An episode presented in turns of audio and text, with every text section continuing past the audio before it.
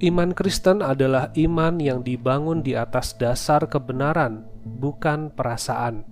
Untuk itu, kita harus tahu kebenaran sehingga hidup kita tidak mudah digoyahkan oleh perasaan-perasaan yang campur aduk dan mudah dikelabui.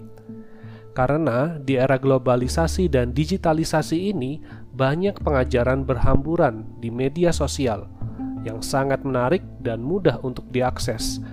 Ada yang mengajarkan kebenaran, ada juga yang nampaknya benar tetapi menyesatkan.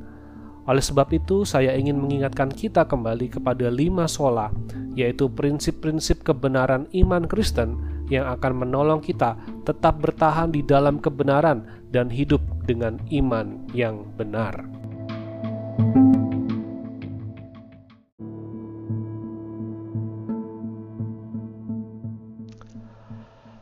Solus Christus Artinya hanya Kristus. Kristus adalah satu-satunya juru selamat, tidak ada jalan lain, tidak ada pribadi lain, tidak perlu cara-cara tambahan. Hanya Kristus yang ampuh, yang cukup untuk memberikan kita keselamatan dari amarah murka Allah. Ketika manusia jatuh ke dalam dosa, hubungan antara manusia dengan Allah terpisah menjadi rusak karena Allah yang mulia, Allah yang suci, membenci dosa, dan manusia telah berbuat dosa, sehingga Allah yang adil, Allah yang mulia, harus menghukum manusia yang berdosa. Tetapi Allah yang penuh kasih, Ia juga ingin menyelamatkan, menyatakan kasihnya kepada manusia, dan Kristus adalah perantara antara manusia dengan Bapa. Dia adalah satu-satunya yang sempurna menjadi keselamatan bagi manusia, memberikan pengampunan dan pendamaian antara manusia dengan Allah. Tuhan Yesus adalah puncak dari penyataan kasih dan keadilan Allah bagi manusia. Tuhan Yesus bukan saja mati di atas kayu salib menanggung hukuman dosa kita, tetapi ketika Dia turun ke dalam dunia ini, dia hidup secara sempurna, taat kepada perintah Allah. Kita sering membaca, kita sering mendengar bahwa Yesus itu tidak pernah berbuat dosa. Artinya, dia senantiasa menjalankan perintah Tuhan, menjalankan hukum-hukum Tuhan dengan sempurna. Itulah yang Kristus lakukan. Jadi, ketika Tuhan Yesus datang ke dalam dunia, Dia melakukan dua hal untuk kita. Yang pertama, Dia menanggung hukuman dosa kita, dan yang kedua, Dia taat secara sempurna terhadap hukum Allah, sehingga akhirnya kita yang percaya kepadanya juga mendapatkan dua hal ini. Kita mendapatkan pengampunan dosa, dan kita juga mendapatkan ketaatan yang sempurna terhadap hukum Allah, sehingga Allah melihat kita bukan hanya sebagai orang yang tidak berdosa lagi karena Tuhan Yesus sudah menggantikan kita menanggung hukuman dosa mati di kayu salib, tetapi Allah juga melihat kita sebagai orang-orang yang benar, orang-orang yang taat sempurna, bukan karena kebenaran kita, tetapi karena kebenaran Kristus yang kita terima di dalam iman. Dari sinilah kita bisa berkata bahwa satu-satunya juru selamat saya, satu-satunya pengantara yang mendamaikan saya di hadapan Tuhan adalah Kristus dan hanyalah Kristus.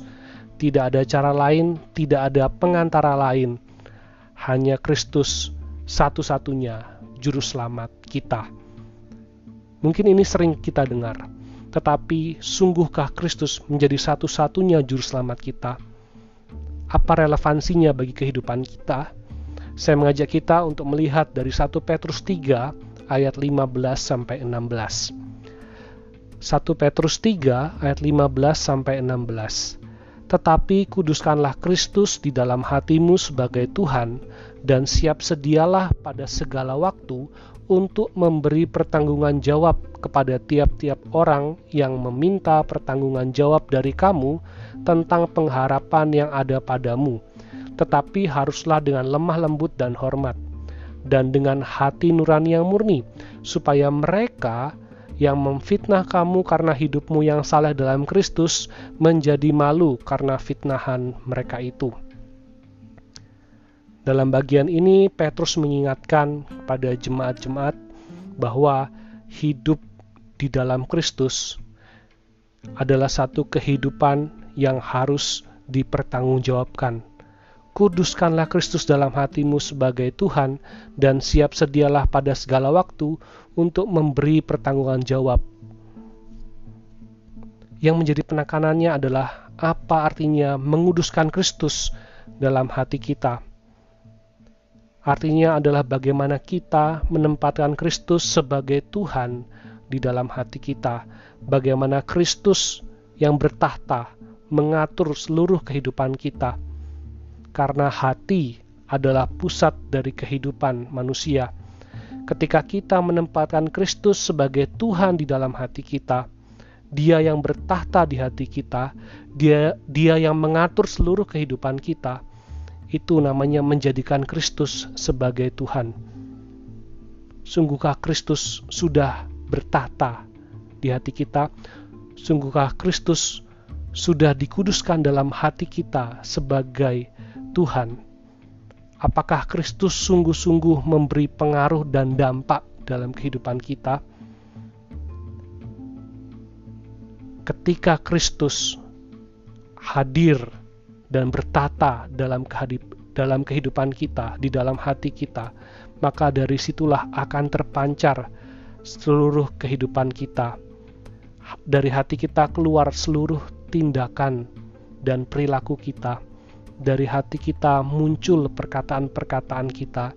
Dari hati kita, di situlah kita berpikir. Ketika Kristus ada di dalam hati kita, bertata di hati kita. Artinya, kasih Kristus juga akan terpancar melalui kehidupan kita.